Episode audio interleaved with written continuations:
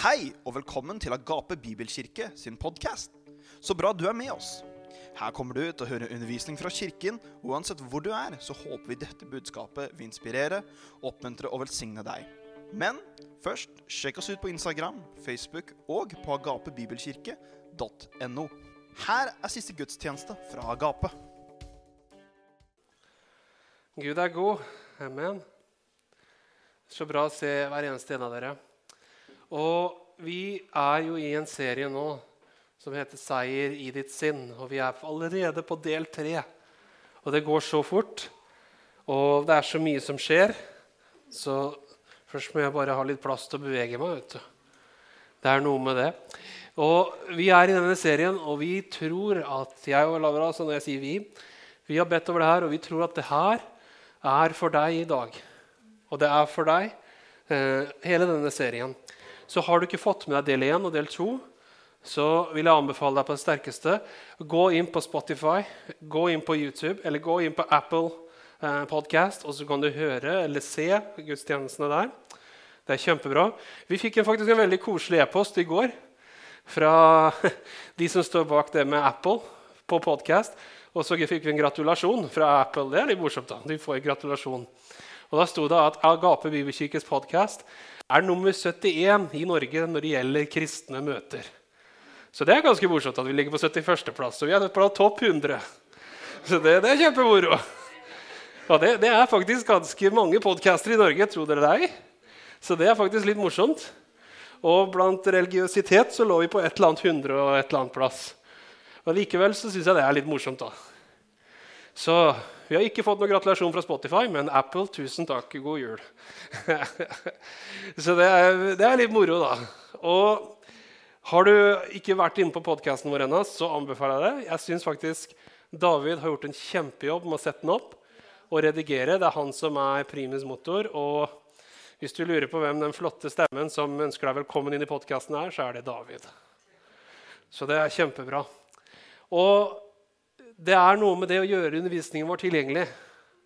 Om du er ute og kjører i bilen og ikke kan se på YouTube, så kan du høre på det via Spotify eller Apple. Og gjøre ordet tilgjengelig der vi er. Det er så viktig. Og Kanskje det er et steg også for å invitere noen som har lyst til å komme på møte, men som tenker at det er litt skummelt å møte en bunch med kristne man aldri har møtt før. Så kan det også være en mulighet. Del møtene med dem.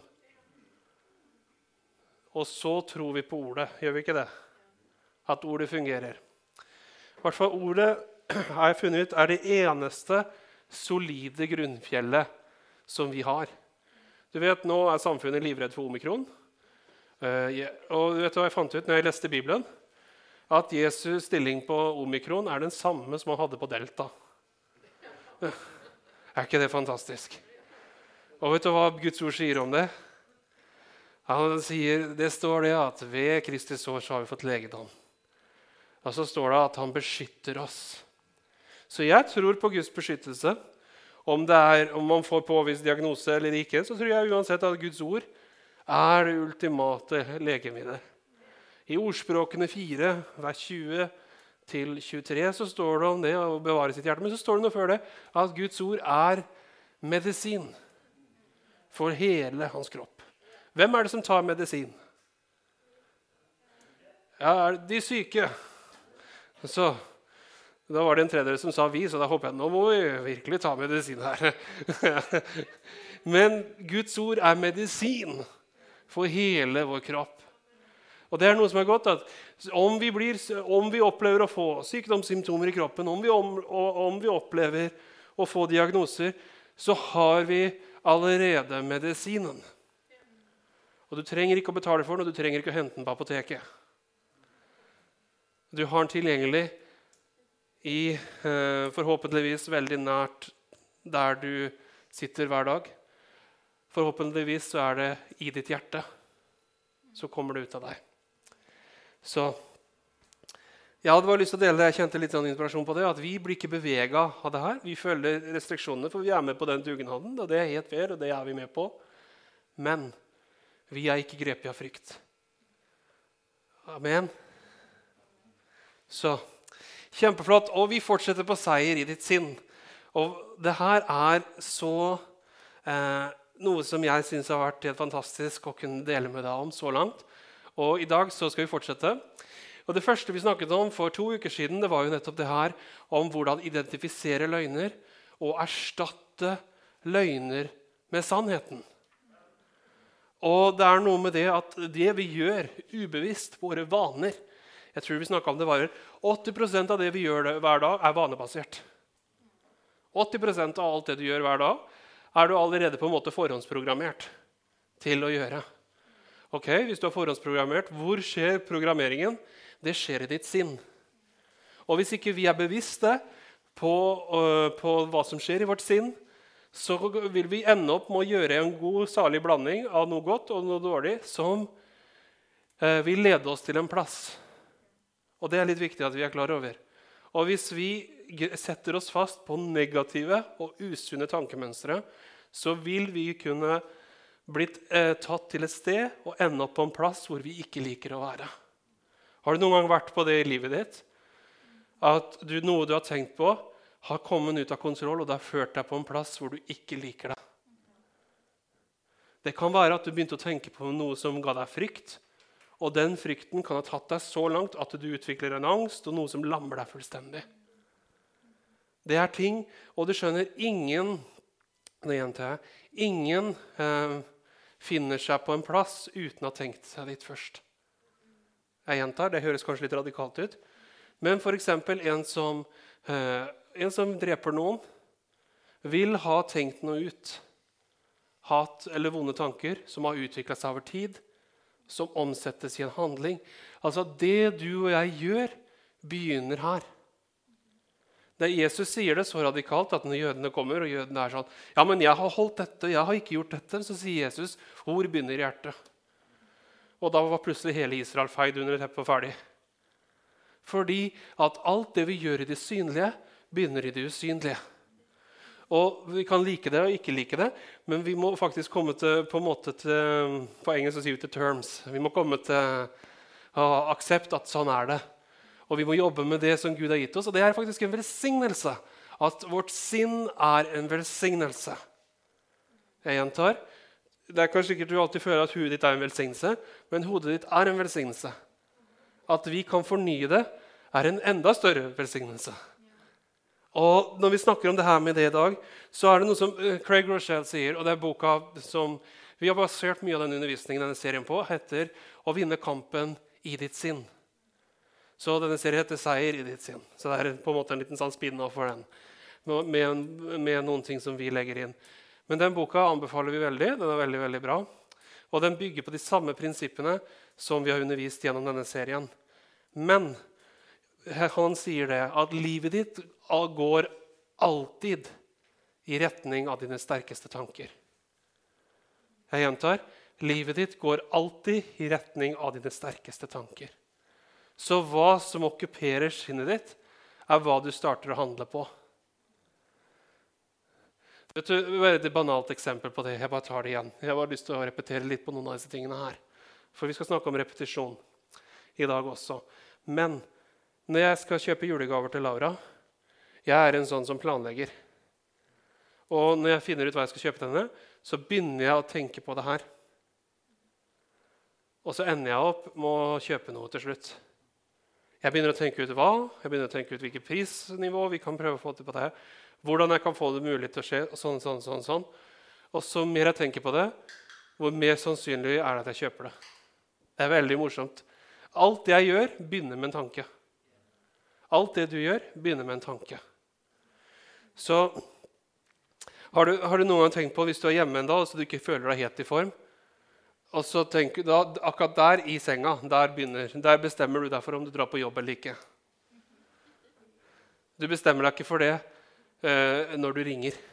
Du bestemmer deg før du ringer. Du handler på noe du allerede har bestemt deg for. Du våkner opp, og så er det kaldt om morgenen, og så ligger du sånn uh, jeg føler meg ikke bra i dag. Jeg vil ikke på jobb. Og mer du underholder den tanken, mer sannsynlig at du ikke drar på jobb. Er det ikke sånn?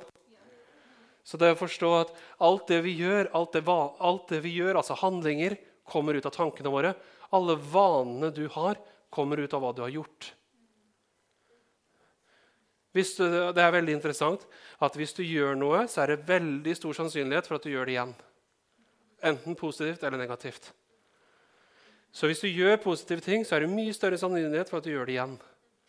Og hvis du, hvis du begynner å leve ut en vane Man sier det tar rundt 60 dager å etablere en vane. Og etter 60 dager så har du en vane, og den vanen, hvis du lar den få lov til å bare holde på, så er den din livsstil. Og hvis du lever lenge nok i en livsstil, så er den ditt liv. Skjønner du hvor viktig det er å vinne seier i ditt sinn? Hvis ikke så kan vi leve på autopilot fra 20 til 80, og så kan vi lure på hva skjedde. Jeg går med meg her i dag. Jeg vet dette er heavy topic, jeg snakker om her, men dette er noe som faktisk, Hvis du griper tak i disse prinsippene jeg snakker med deg om i løpet av denne serien, her, så vil det revolusjonere ditt liv. Hvorfor kan jeg si det? For det har gjort det i mitt. Det har virkelig revolusjonert mitt liv.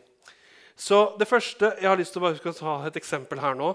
Siden vi er i Rakkestad og Degernes Og hva er Rakkestad her for noe? Vi er en landbrukskommune. Og vi har noen interessante dyr her. Vi har noe vi kaller for drøvtyggere. Blant i den kategorien så har vi kua. Så Christer, fyr løs. Det er, det er litt mer fjell i det bildet da, enn vi har i Rakkestad. Men en drøvtygger og, eller en ku, da, kan vi jo snakke litt om. Og i dag så vil jeg anbefale deg å bli som en ku. Og nå tenker du fælt. Pastoren kalte meg en ku. Nei, jeg kalte deg ikke en ku. Jeg sa du bør bli som en ku. Kanskje du har eh, noen i familien som har kalt deg en ku, og det har ikke vært positivt lada. Jeg sier ikke at du er en ku, men i dette tilfellet så bør vi bli som en ku. Og hva mener jeg med det? Jo, at visste du at når kua spiser gress, vet du hva han gjør for noe? Han spiser, svelger, og så gulper han det opp igjen. Og så tygger han litt mer. Så svelger han, så gulper han det opp igjen. Og sånn fortsetter han til maten har vært gjennom alle fire magene. Er ikke det fantastisk? Vi bare følelsen av å tenke på at du skal spise maten din og gulpe den opp igjen, og så spise den igjen, det er ikke veldig delikat. Er det, det, er ikke det. Så det er ikke i den forstand jeg snakker om at vi skal bli som en drøvtygger. Men jeg snakker om at når du hører sannheter ifra Guds ord, så tenk på det. Jobb med det. altså. Vi, sier, vi bruker det uttrykket mange ganger at vi tygger på det når vi driver og tenker over noe. Så tenk over det, og så ta det inn i ditt liv. Så drar du det opp igjen. Tenk på det igjen. Så drar du det inn.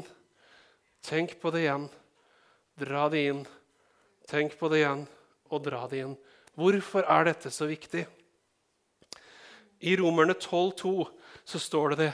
Bli ikke dannet lik denne verden, men bli forvandlet. Ved, da, ved hva da? Ved fornyelsen av ditt sinn. Så dere kan prøve hva som er Guds gode, velbehagelige og fullkomne Guds vilje. Det siste punktet vi slutta på sist søndag, var at vi bygger veier i vårt sinn når vi fornyer sinnet med ordet. Altså, en løgn som har pågått lenge nok, er graver sånne hjulspor. Har du vært på landevei før? Noen av dere husker disse bildene jeg har brukt disse siste ukene. Men hvis du kjører på det samme tankemønsteret igjen og igjen, så graver vi en dypere og dypere og dypere veispor i våre liv. Henger du med meg her i dag? Og derfor, hvis vi har vært i et usunt tankemønster og trodd en løgn i mange år, så vil vi ha gravd dype hjulspor, som er hva da? Vaner. Som sitter så hardt i oss. Kanskje du tror en løgn som gjør at du er redd for sånn og sånn. Kanskje du tror en løgn som gjør at du tror at folk ikke godtar deg. Kanskje du tror en løgn som gjør at du føler deg at du ikke er elsket. Altså, Det kan være så mange ting her. Kanskje du tror en løgn som får deg til å gå på visse ting på Internett og se på ting du ikke burde gjøre. Kanskje du tror en løgn som får deg til å bruke penger på en måte du ikke burde gjøre. Kanskje du tror en løgn som får deg til å ta rusmidler eller sånn og sånn. og sånn. Altså Dette graver seg dypere og dypere og dypere i ditt liv. Og hør nå, Hvor lenger du holder på med det, desto dypere går det. Og Derfor er det så viktig at vi graver opp nye veier. Nå, dette med kua er det samme som jeg avslutta med sist søndag. Bare fra en annen vinkel.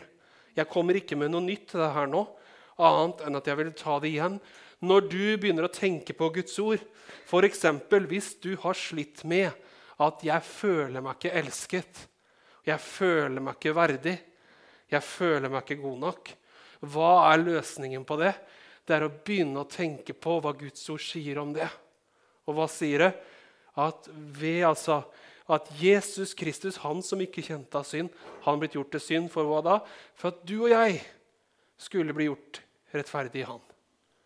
Så vi er rettferdige pga. hva Jesus har gjort.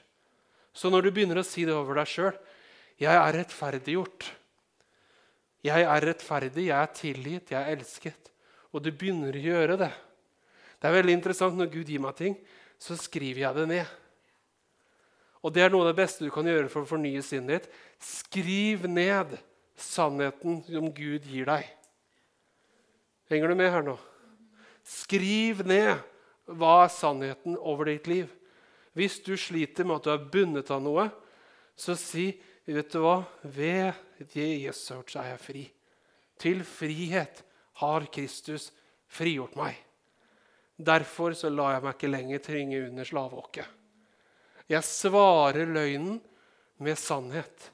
Jeg svarer en løgn med Guds ord. Er, og når du gjør det nok ganger, så bygger du et nytt hjulspor i ditt sinn. En ny vei som kjøres opp i sinnet. Henger du med meg her i dag? Yes. Er det bra? OK. Puste. Og strekk på hendene. Si 'Jeg, er, jeg lever'. jeg lever. Nå er det ikke sånn at naboen kan sjekke pulsen på deg vet du, uten at det da kommer det nye restriksjoner med en gang. Så da må du sjekke pulsen på deg sjøl og passe på at du er i live. Ikke sant? Så Bibelen forteller oss at når tankene dine forandrer seg, så blir ditt liv forvandlet. Gud har et partnerskap med deg. Det er noe med Hva er tro? Tro er en respons. Det var bare pastor Laura som kunne. Så da er det en ny serie fra januar av. Tro er respons. Nei da, så er det ikke så galt ennå. Men vi må følge med nå. Vi må huske at tro er en respons. Så tro responderer på hva Gud allerede har gjort. Derfor er det også viktig at vi responderer på de tankene som kommer fra Han. Og samme, samme punkt er det også viktig at har vi usunne tankebygninger i vårt liv, så er vi nødt til å faktisk ta et oppgjør med dem. Avslør dem. Avslør øynene. Paulus sier det, ta ikke del i mørkets ufruktbare gjerninger, men avslør dem. Så det er så viktig. Avslør løgnen. Ta spørsmålet hvorfor tenker jeg dette her? Og hva gjør disse tankene med meg? Og hvor fører dette meg? Hvis du begynner å stille spørsmål med ting du gjør, ting du tenker, så kommer du garantert til å begynne å finne ting. Og Det er vi nødt til å gjøre. Det er den egeninnsatsen med partnerskap med Gud her. Hør nå, Hvis vi tar et oppgjør med tankene våre, så vil Gud forvandle våre liv. Så veldig mange ganger så er det det som er mellom oss og miraklet vårt, er hva vi tenker.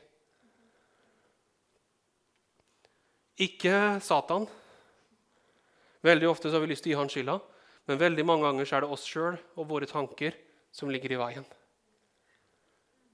Så derfor, for forny sinnet ditt, så vil Gud forvandle livet ditt. Veldig ofte prøver vi å forvandle livet vårt, men hør nå, uten et fornyet sinn så blir det ikke noe forvandlet liv. Ok. Du er stille i dag. Tenker du fælt nå? Ja, ok. Hvordan fornyer vi sinnet vårt? Vel, Vi kan skrive det ned og på en måte besøke det igjen. Ta det på telefonen din, ha det på bakgrunnsbildet ditt. Eller et eller annet som minner deg om det. Du kan begynne å tenke på det aktivt. Du kan begynne å si det ut. Alle disse tingene her er med på å bringe det inn i det, akkurat som kua.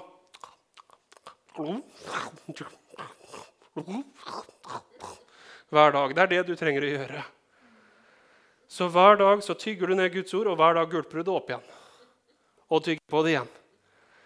Så når du våkner opp i Rakkestad kommune, titter ut av vinduet og hører så tenker du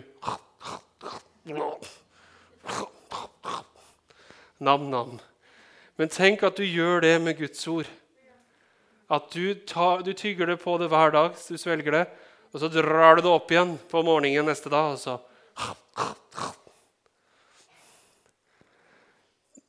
Henger det, henger det, på greip, det jeg sier til deg her i dag? Det er ikke et delikat bilde, men det er et veldig praktisk bilde. Så det neste som leder oss til her, er at når vi får nye veier i vårt sinn, så vil Gud forvandle vårt liv. Og det leder oss til perspektiv. Christer, det neste bildet. Rett perspektiv. Og Nå skal jeg fortelle deg et personlig vitnesbyrd som var ganske, ganske utrolig. Og vet du hva Det var for noe? Det var den dagen jeg fikk briller. Tenkte du, Det var ikke så åndelig. Men det var veldig livsforvandlende. skal jeg fortelle deg. Ikke bare for meg, men for de andre i trafikken òg. Nei, nei, jeg bare tuller. jeg bare tuller litt med deg her. Ja. Ok, Så hvis jeg tar av de her nå, som jeg ser Jeg ser deg, men jeg ser deg ikke klart. Jeg ser tåke. Hvorfor? For jeg ser veldig enkelt hva som er foran meg. Det er ikke noe problem. Jeg er nærsynt. Så jeg ser Laura. Men hvis jeg begynner å se på dem som sitter bak Laura, så begynner ansiktet å bli tåkete. Og lenger unna det der, desto mer utydelig blir du. Og hva er løsningen for det? Hvis jeg ikke har tro for helbredelse på det området, så er løsningen briller. Ok? Har du tro for helbredelse på det området? Kjempeherlig. For nå bruker jeg briller. Og jeg putter meg, nå, så ser jeg plutselig, nå ser jeg ansiktsuttrykket til deg som sitter bakerst i lokalet så ser jeg like tydelig, faktisk enda tydeligere, enn jeg så Laura som sitter på første rad. Vet du hva? Å, å få rett perspektiv på ting forvandler måten vi ser. Og Derfor så er det det at første gang jeg husker, første gang jeg hadde på meg briller og gikk ut, så kunne jeg se fuglene som fløy på himmelen, tydelig. Jeg kunne se detaljer på fugler som jeg aldri hadde kunnet se før. Det var en veldig interessant opplevelse. Og bare sånne ting, å ha briller, var en kjempehjelp. Og på samme måte, hvis vi har et feil perspektiv, så er det som om vi ser i tåke. Vi ser ikke tydelig, vi ser at det er noe, men vi ser ikke hva det er. Henger du med meg her nå? Når vi opplever sår, så skapes det tanker i oss. Og hvis vi underholder de tankene, så begynner vi å, å handle på de. Og når vi handler på de, så handler vi ut fra at vi har et feil perspektiv. Vi hele tiden Hvis vi tar det her, da Når jeg opplevde å bli mobbet som barn, og sånne ting, så skapte det i meg noe. Et feil perspektiv.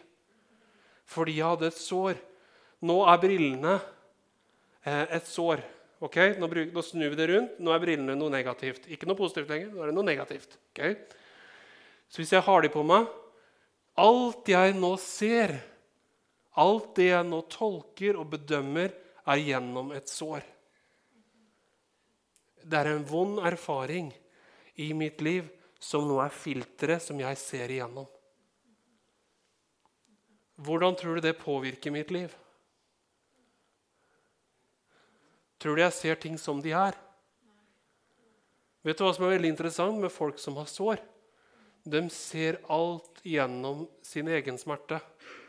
Og når de ser alt gjennom sin egen smerte, så handler alt om dem. Hvis du kommer inn i et lokale og så ser du noen hvisker, så tenker du nå snakker de dumt om meg. Hvis noe skjedde, så tenker du sikkert på grunn av meg. Sår setter et filter på oss som gjør at vi hele tiden tror det verste og er redd for å bli såra igjen. Henger du med meg her i dag? Og det er veldig gode nyheter du deler med oss. Nei, slapp av, slapp av. Det kommer gode nyheter her. Men det er så viktig noen ganger at vi identifiserer hva som faktisk skjer. Noen ganger når, vi, når, jeg, når jeg, ble mobba og sånn, hele tiden så forventa jeg den verste. Ubevisst. Det var ikke så at jeg bevisst gikk inn for å forvente det verste. Nei, vet du hva? Ubevisst forventer du det verste når du er såra. Du som ikke har opplevd det, vet ikke hva det er. Men du som har opplevd det, du vet veldig godt hva jeg snakker om akkurat nå. Hvis du har et sår på et område i livet ditt, og noe trigger den tanken, eller trigger de, de tingene, så vil du tenke det verste når noe skjer. Og hvis ikke du tar et oppgjør med det, hvis ikke du på en måte avslører det og begynner å kjøre opp nye tankespor i livet ditt, så vil du hele tiden, og ikke bare hele tiden, dessverre Hvis ikke du tar et oppgjør med det, så vil du hele livet ditt se Hele livet ditt vil du se gjennom det filteret. Hvis du hadde en dysfunksjonell oppvekst, var en dysfunksjonell? Jo, når noe ikke fungerer som det skal. Og hvis ikke du erstatter en løgn med sannheten, så vil du hele livet gå gjennom livet og se det gjennom den løgnen. Usunne tankemønstre er det vi kaller kognitiv bias, eller cognitive bias på engelsk. Disse tingene her er usunne tankemønstre som er ubevisst i livet vårt, som vi tror er sant. Og hvis ikke vi avslører det, så vil vi gå hele livet og tro det som det er sant. Og det vil påvirke livet vårt. Jeg møter mange folk uh, opp, Jeg har møtt mange folk opp igjennom, og det er veldig lett å se noen ganger om noen tror en løgn. Men er det lett for den som tror løgnen, å si at han tror en løgn? Nei. Det er det som er med det greiene her. skjønner du, Det er tricky. Det er vanskelig. Vi, vi skjønner ikke at vi tror en løgn før det blir avslørt. Åh, så da kommer vi til det her. Nå går vi liksom litt sånn dypere og dypere her. Henger du med meg ennå? Slapp av. Er hodet over vann? Puster du ennå? Er pulsen der? Hvis ikke så kommer det nye restriksjoner. Nei da. Unnskyld. Jeg skal slutte å tulle. Ja, vi må bare ta det litt lett her. Vi må også le litt av denne situasjonen. Vi kan tro og puste litt, OK? Men sånne ting eh, vi, Hvordan kan vi identifisere når vi har sånne ting? Når du er i en situasjon, har du funnet at du noen ganger reagerer du veldig sterkt i en situasjon, og du skjønner ikke hvorfor du gjør det? Du blir veldig sint eller veldig redd, eller du reagerer på en spesiell måte. Det ligger noe ubevisst der. Når du er i en situasjon, hvordan avslører det? første du gjør, du roer ned. Ro ned. Spør deg sjøl hva er det som faktisk skjer? Ikke hva jeg føler skjer, men hva er det som faktisk skjer? Det er et godt spørsmål å stille. Hva er det som faktisk skjer her? Når du kommer inn i et lokale og du hører og folk hvisker, og du tenker nå snakker de dumt om meg. Nei, er det det som faktisk skjer? Nei, hva er det som faktisk skjer? De hvisker. Betyr det at det har noe med meg å gjøre? Det vet jeg ikke.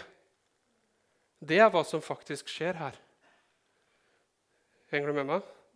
Men vi tolker det på av et filter. så tolker Vi vi hopper til en konklusjon fordi vi har et filter. Så hvordan avsløre det? Jo, spørre. Det første du gjør, roer deg og så finne ut hva som faktisk skjer. Og så det neste, det tredje tingen her. Hva er din første respons som kommer ut av deg når dette skjer? Hvis din første respons når det kommer noe negativt ut av deg, eller er, er, er, er når, du, når det skjer noe, er en negativ respons, hvorfor kommer den? Du avslører det ved der og da. Henger du med meg? Eller blir dette for innvikla for deg nå? Er det bra med deg? Få se. Har jeg øyekontakt med deg? Jeg vil ha øyekontakt med deg. Du skjønner, Jeg stopper å preke når jeg ikke har øyekontakt med deg, og så titter jeg på deg igjen. For Det er fordi at jeg vil at du skal få tak i det jeg sier til deg her i dag. Så, og, og dette er noe med det her, skjønner du, at hvis vi, har, hvis vi tror på en løgn på bakgrunn av et perspektiv. Og nå vil jeg ta et veldig enkelt eksempel for deg. Vi kan gå i Apostelens gjerninger 27, 13-26. Vi kan slå opp det, Christer. Apostelens gjerninger, kapittel 27, vers 13 til 26. Og dette her er da Paulus som skal overføres til rettssak i Roma. Hva er det som skjer med Paulus? Hvorfor er han arrestert? Jo, Han blir arrestert når han går inn i tempelet i Jerusalem. Og Så kommer romerne og griper inn, for de hadde holdt på å slå Paulus i hjel. står det. Jødene var så sinte på Paulus for at han forkynte Jesus. Og så trodde de at Paulus hadde tatt med seg hedninger, altså de som ikke var jøder, inn i tempelet. Og for jødene så var det det verste som kunne skje.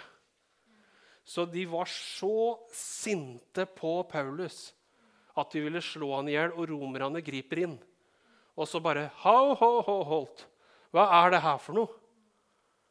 Og så tenker de at Paulus er en opprører, så de arresterer han, og ta, romerne tar med seg Paulus til borgen.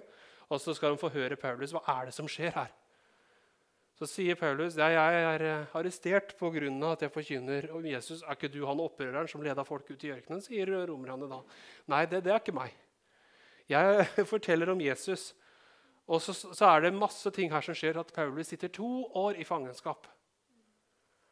Og til slutt Jødene vil drepe ham hvis Paulus blir løslatt.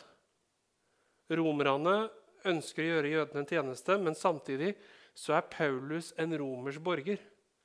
Som vil si at Paulus har rettigheter, så du kan ikke bare la jødene få veien sin med ham. Så her sitter Paulus i to år i en byråkratisk sprekk. Det er det som faktisk skjer her. Og til slutt så sier Paulus han, For han har fått overbevisning at han skal til Roma, så sier Paulus det har anket til keiseren. Og hvis du anka til keiseren, så måtte du til Roma for å få saken din bedømt av keiseren. Så det skjer her. Det er forteppet. Paulus, arrestert, sendt på fangeslip, sendes fra Jerusalem eh, til eh, Utover havna så sendes han videre fra, det er fra Cesarea, jeg husker faktisk ikke helt hvor han drar fra. Men han blir sendt derifra, fra Israel, og sendes til Roma. Og hvis du vet at ta, Det er ikke å ta danskeferja med dagens skip, som Paulus er med på her. Nei, hva er det han er med på? Han er med på et fangeskip som sendes i utrygget vær og stormer. Og på vei eh, ut her så opplever de å få skipbrudd. Så på, hva har skjedd med Paulus gjennom her? Han har, blitt, han har blitt slått, han har blitt holdt fanga, han har gått gjennom utrolig mange ting. Han har mista friheten sin. Og så, så kommer det her at når de uh, er på vei her og får skipbrudd, så står det siden det blåste en svak sønnavind, antok de altså hvem da romerne, jo, at de hadde fått ønsket sitt oppfylt, og satte til havs og seilte tett opp til Kreta. Men ikke lenge etter så blåste en stormvind mot skipet, som kalles Euroklydon. Da skipet ble rammet av den, og de ikke kunne holde opp mot vinden, så lot de det drive. Og da de var kommet til Lea, en øy som heter Klauda, fikk de ved nød og neppe sikret livbåten. Og da de hadde tatt den om bord, så brukte de trosser til å surre rundt skipet. For de fryktet at de skulle grunnstøte uh, på, sy på syrtegrunnene, og de tok ned seilene, og dermed ble de drevet omkring. Og siden vi ble kastet omkring av stormen, så lettet det skipet for last dagen etter. På den tredje dagen så kastet vi med våre egne hender skipets tauverk over bord. Da det nå verken sol eller stjerner viste seg på, på mange dager, så stilte en storm og en veldig storm mot oss, ga vi til slutt opp alt håp om å bli reddet. Det var ganske mørkt, med andre ord.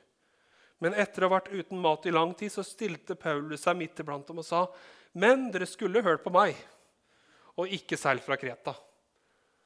Så Paulus da sier, 'Jeg told you this'. du skulle hørt på meg. Men så sier han da, dere, da hadde dere ikke påført oss denne ulykken og dette tapet. Nå ber jeg dere være med godt mot, for ikke noe liv skal gå tapt hos dere, bare skipet skal gå tapt. Det er litt av frimodig. Paulus sier til fangevokterne dere skulle ha hørt på meg. Tenk litt på hele situasjonen her. De lider skipbrudd. De har drevet ut på havet en god stund. Så sier Paulus du skulle hørt på meg.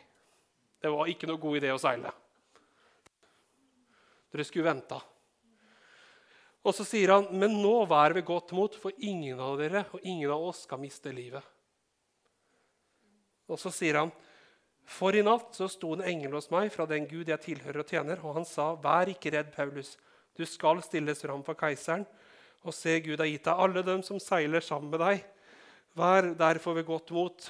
Men jeg tror Gud, og det skal gå nøyaktig slik det ble sagt meg. Men vi kommer til å måtte grunnstøte ved en øy. Og bare hør, hør meg nå. Dette har noe med perspektiv å gjøre. Fra et natur Paulus er en fange.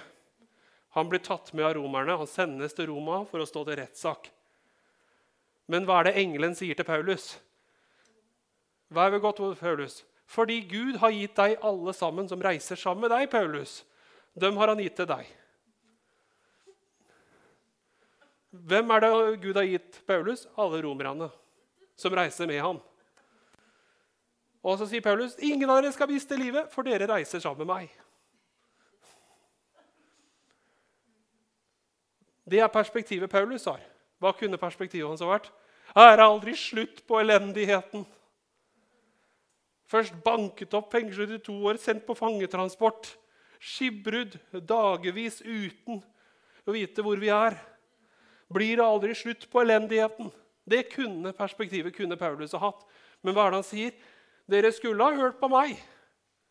Men likevel, vær ikke redde, vær ved godt mot. Ingen av dere skal dø. For Gud sa til meg, han har gitt dere alle deres liv. Det har han gitt til meg. Det er det Paulus sier her. For et perspektiv han har på situasjonen. Når vi står i situasjoner noen ganger som er vanskelig, som ser umulig ut, hvilket perspektiv møter vi det med?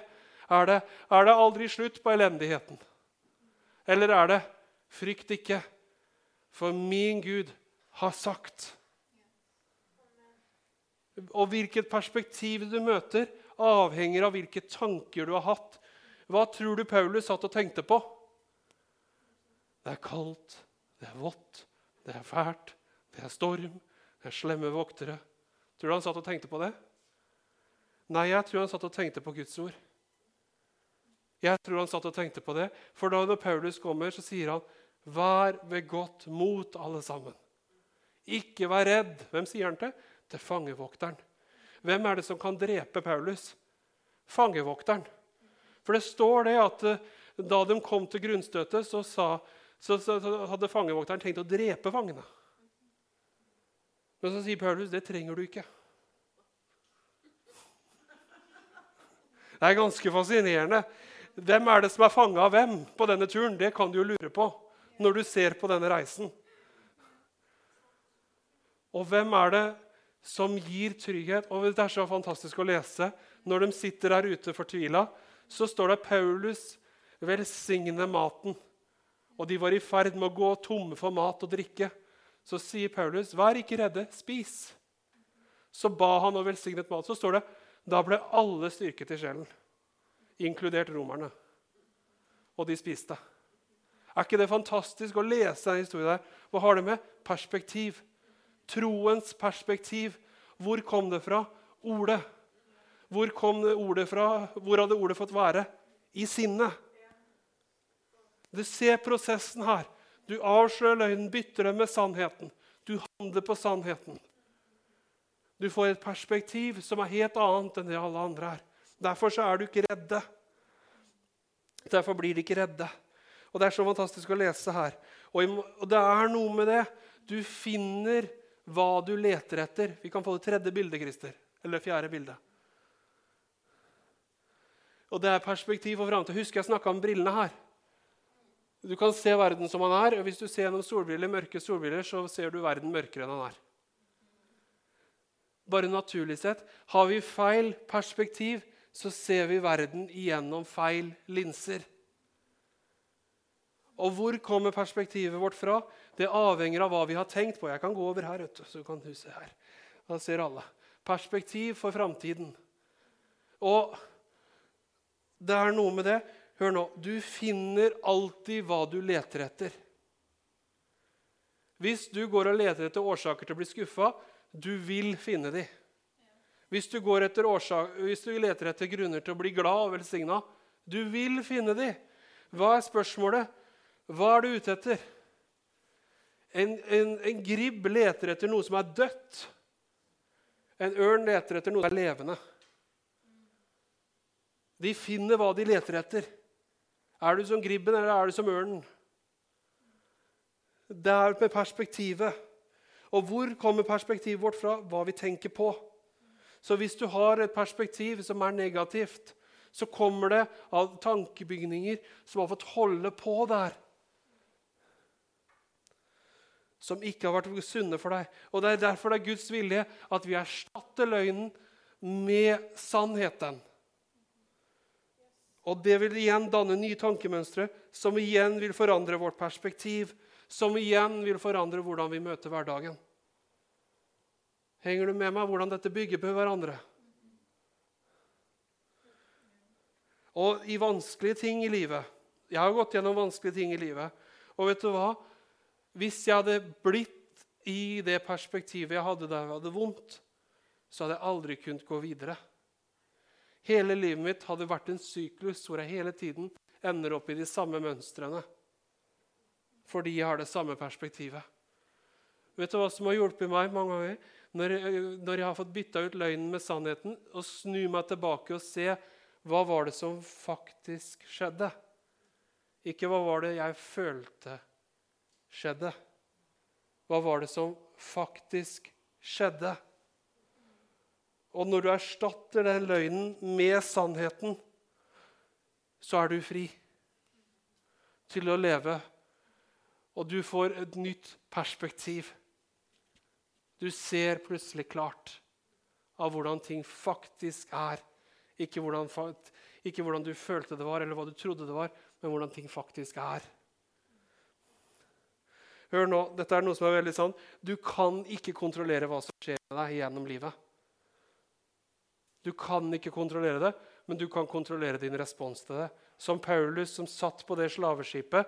Du kan ikke kontrollere Han kunne ikke kontrollere om den stormen kom, men han kunne kontrollere hans respons. Vi kan ikke kontrollere restriksjoner, korona, alt det som skjer i verden, men vi kan kontrollere respons. I den første menighet så var det hungersnød, det var fest, det var problemer. Vi kan lese om de apostlenes gjerninger, men les hvordan de troende responderte til problemene. Hvordan responderte de til situasjonene i verden? Hvor kom det fra? Det kom ifra hva de hadde fylt hjertet sitt med. Hva de hadde fylt sinnet sitt med, kom ut av de. Erstatt det negative med Guds ord. Erstatt løgnen med sannheten. Begynn å tenke på det regelmessig. Gjør som kua. Nam-nam. Og så opp igjen. Nam-nam. Opp igjen. Ikke sant? Han spiser, svelger, opp igjen. Tygger på det igjen. Og så gjør det til sannheten er realitet i ditt liv. Og så vil ditt liv forvandles. Da er du som Paulus på båten, hvor du sier, 'Frykt ikke. Dette går bra.' Naturlig sett så var det ikke så mye som tilsa at dette skulle gå bra. altså. Det står at alle hadde gitt opp håpet og blir reddet. Så står Paulus fram. Og det er ganske spenstig å se de som reiser med Paulus, sier da hadde vi gitt opp håpet. Det er ikke bare romerne som har gitt opp. Det er de som reiser med Paulus òg. Teamet hans er med på den turen. For det er ikke Paulus som skriver dette. Det er Lukas som reiser med Paulus. Det er ganske fantastisk. Og så står Paulus fram. Vær ikke redd. Det samme som Jesus kommer ut på sjøen og møter disiplene når det er storm, så sier han, 'Frykt ikke det er meg. Det er den samme frimodigheten. Kommer fra Guds ord når du mediterer på det i ditt liv. Når du eh, ser sannheten i ditt liv, så får du rett forhold til ting. Hør nå. Hvis du ser ting gjennom et av sår eller av løgn eller av frykt, så vil du aldri kunne se ting riktig. Men når du ser det igjen hvordan det faktisk er, og du bygger livet ditt og tankene dine på Guds ord, så vil du ikke bli grepet av frykt når du møter ting. Et annet eksempel jeg ta, Orker du et par minutter til? Yes? Går det bra med deg? Yes. Hørtes ut som det går veldig bra. Veldig bra. Hør nå. Når jeg vokste opp så mange ganger jeg hadde, fordi jeg hadde, nå, deler jeg veldig personlig historie med det her, vet men det går veldig bra. Fordi jeg vil fortelle deg hvordan det her har hjulpet mitt liv. Og, kan, øh, og du kan ta disse prinsippene og hjelpe i ditt liv. Men én ting jeg hadde, jeg, hadde, jeg hadde vært gjennom sykehusbehandling som barn pga. diagnoser og alt sånne ting. Og det hadde gitt meg, vet du hva, Jeg hadde ikke angst for sykdom, jeg hadde angst for leger.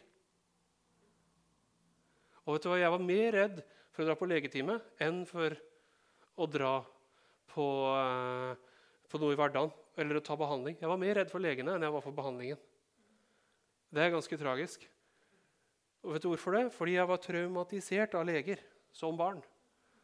Og vet du hva? Var det alle legers feil i hele verden at vi bare burde ta alle legene og feie dem under teppet? Nei, det er ikke det jeg sier. Jeg hadde dårlige opplevelser med noen leger. Hva var det som var feil? Var det alle leger som var feil? Nei, det var mitt perspektiv pga. sår. Og når det fikk lov å bli avslørt, og så se hva er det som faktisk skjer her Legen er ute etter å hjelpe meg. Men hvorfor ser han dårlig? Fordi jeg har opplevd noe vondt. Henger du med meg her? Når jeg så hva faktisk skjedde Og han vil jo egentlig bare hjelpe meg. Hva skjedde med meg da? Istedenfor høye skuldre.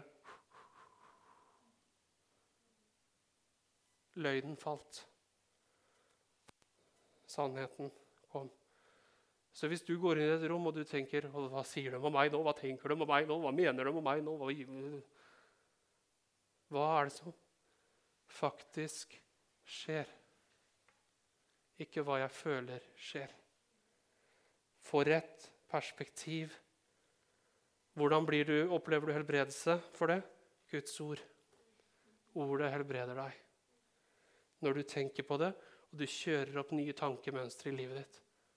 Samme er løgnen som sier du trenger å gjøre dette for å være lykkelig. Du trenger å se på de tingene for å være lykkelig. Du trenger å ta disse tingene for å være lykkelig. Du trenger å gjøre disse tingene for å være lykkelig. Hvis du erstatter disse tingene med hva som faktisk gjør deg lykkelig, så, så vil du kunne leve lykkelig. Og du vil kunne gå framover. Ok, nå har jeg prekt uh, en god stund. Jeg tipper ja, jeg har prekt en god tid. Men ta med deg det jeg har delt med deg her i dag. Så skal vi snakke om uh, den fjerde og siste delen neste søndag. Så, men ta med deg ordet du har fått. Bygg på det. Avslør løgnen. Erstatt den med sannheten. Begynn å aktivt kjøre opp nye tankespor i livet ditt, sånn at du får rett perspektiv som ikke er basert på sår, men på sannhet. Ok? La meg be for deg til slutt her. Far i Jesu navn, jeg takker deg for det du har gjort i dette møtet her i dag. Takk for ordet som har gått ut, at det skaper noe i våre liv. At vi kan få lov å se verden, ikke gjennom sår, ikke gjennom vonde erfaringer, men gjennom perspektivet at vi er satt fri, at vi er elsket, og at vi er tilgitt. Takk at det er det perspektivet vi trenger å se, Herre. Fordi det, det er det perspektivet som kommer fra ditt ord. Jeg takker deg, far, at du gir oss det. Når vi, når vi tenker på dette ord, så er det du som forvandler våre liv. Du forvandler vår tankemåte, du forvandler våre vaner og hele vårt livsløp, Herre. Jeg takker deg for det. Og jeg priser deg for det du vil fortsatt gjøre i våre liv gjennom ukene og dagene, som, eh, dagene og ukene og månedene som kommer, når vi tenker på ditt ord. Vi priser og ærer deg for det. Takk, far, for frihet, seier og glede i Jesu Kristi navn. Og jeg takker deg for det, Herre. Takk, Jesus, at vi, er, vi kan si som Paulus at vi er ikke redde. Vi er ikke under. Vi er ikke, uh, vi er ikke holdt fanget. Nei, men vi er virkelig fri i deg. Jeg priser deg for det. I Jesu Kristi navn. Og alt folket sa? Amen. Tusen takk for at du var med oss i dag. Vi vil gjerne høre fra deg og vite hvordan vi kan be for deg. Ta kontakt med oss, enten via sosiale medier eller på nettsidene våre, så håper vi at vi ses ganske snart.